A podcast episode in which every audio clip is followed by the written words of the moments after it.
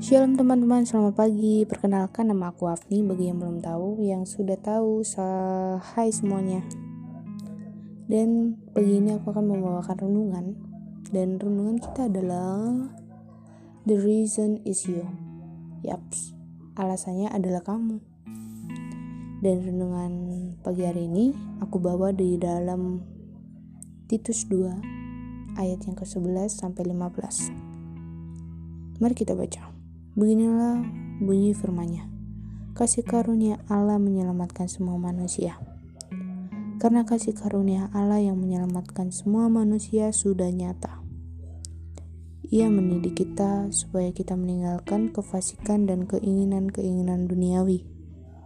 Dan supaya kita hidup bijaksana, adil, dan beribadah di dalam dunia sekarang ini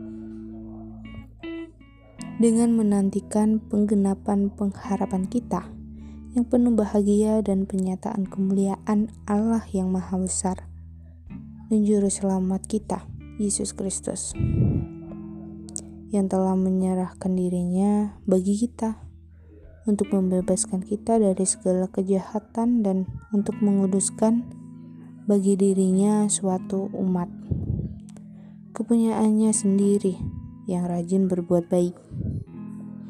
Beritakanlah semuanya itu, nasihatilah dan yakinkanlah orang dengan segala kewibawaanmu. Janganlah ada orang yang menganggap engkau rendah. Oke teman-teman, di sini aku uh, akan membawakan renungan. Renungannya adalah sebuah cerita. Cerita tentang si Budi Oke, dengarkan ya. Budi kecil marah besar pada ayahnya karena dilarang bermain layang-layang di pinggir rel kereta bersama teman-temannya. Budi kesal, seolah-olah ayahnya tak mau tahu kesenangannya. Sampai suatu hari, Budi nekat melanggar larangan ayahnya. Ya, kalau aku sih melanggar larangan ayah aku sih ya takut ya teman-teman. Gak berani melanggar gitu. Oke kita lanjut. Ketika Budi sedang asik bermain layang-layang tiba-tiba saja melintas sebuah kereta listrik berkecepatan tinggi. Budi yang sedang berdiri di tengah rel kereta tidak bisa menghindar lagi. Dia hanya bisa memejamkan matanya. Tetapi tiba-tiba ia merasakan ada yang meraih tubuhnya dengan cepat. Saat Budi membuka matanya, kereta itu sudah berlalu. Tetapi Budi melihat ada sesosok tubuh yang bersimpah darah. Terbujur kaku di tepi rel kereta. Dan ternyata dia adalah ayah Budi. Ayah Budi telah menyelamatkan nyawa Budi. Dan Budi hanya bisa menangis, menyesali semuanya. Teman-teman, seberapa sering kita seperti Budi? Kita marah, ngambek, dan protes ketika Allah tidak mengizinkan kita melakukan sesuatu yang kita sukai. Kadang kita merasa Tuhan tidak peduli. Dia tidak mengabulkan permintaan kita. Mungkin selama ini kita mengira kalau Tuhan berbuat seperti itu tanpa alasan yang jelas. Sama seperti Budi yang mengira ayahnya tidak punya alasan yang jelas dengan melarangnya bermain layang-layang di pinggir rel kereta. Padahal ayahnya punya alasan yang jelas. Ayahnya sangat mengasihi Budi.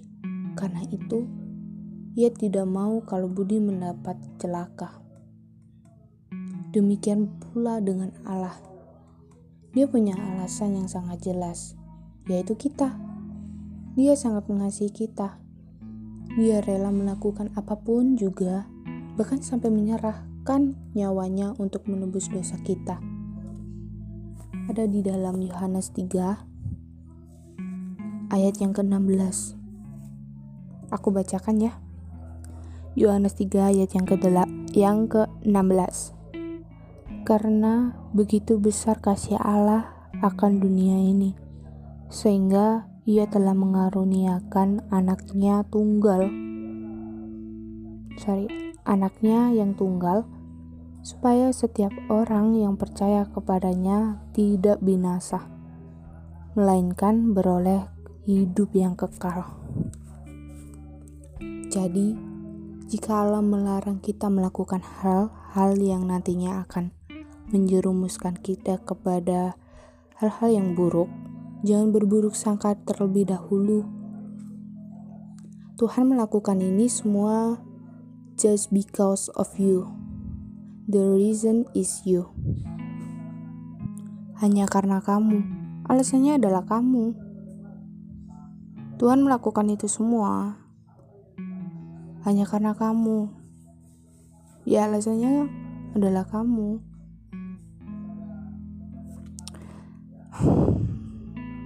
Mari teman-teman ambil waktu sejenak untuk berdiam diri, berdoa, supaya kita tidak salah sangka dan selalu hidup seturut kehendaknya.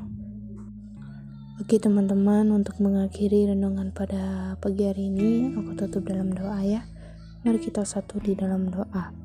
Bapa kami yang baik, terima kasih Tuhan atas berkatmu pada pagi hari ini Tuhan, di mana kami telah selesai mendengarkan renungan uh, pada pagi hari ini Tuhan, di mana uh, kami akan terus belajar untuk mentaati larangan-larangan yang ada Tuhan dan supaya kita tidak berburuk sangka sebelum kita mengetahui alasan yang sangat jelas mengapa kita kita dilarang untuk melakukan sesuatu yang kita sukai Tuhan dan kami tahu Tuhan Engkau rela melakukan apa pun untuk kita semua Tuhan untuk anak-anakmu Tuhan. Bahkan Engkau sampai menyerahkan nyawa nyawamu untuk menebus dosa-dosa kita Tuhan.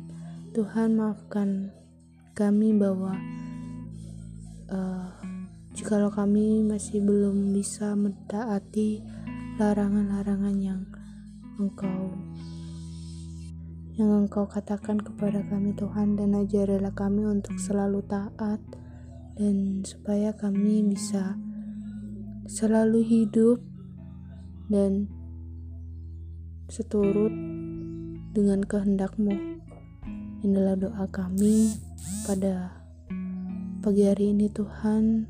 Kami bersyukur dan kami berdoa hanya di dalam tanganmu, di dalam nama Tuhan Yesus Kristus. Kami sudah berdoa. Haleluya. Amin.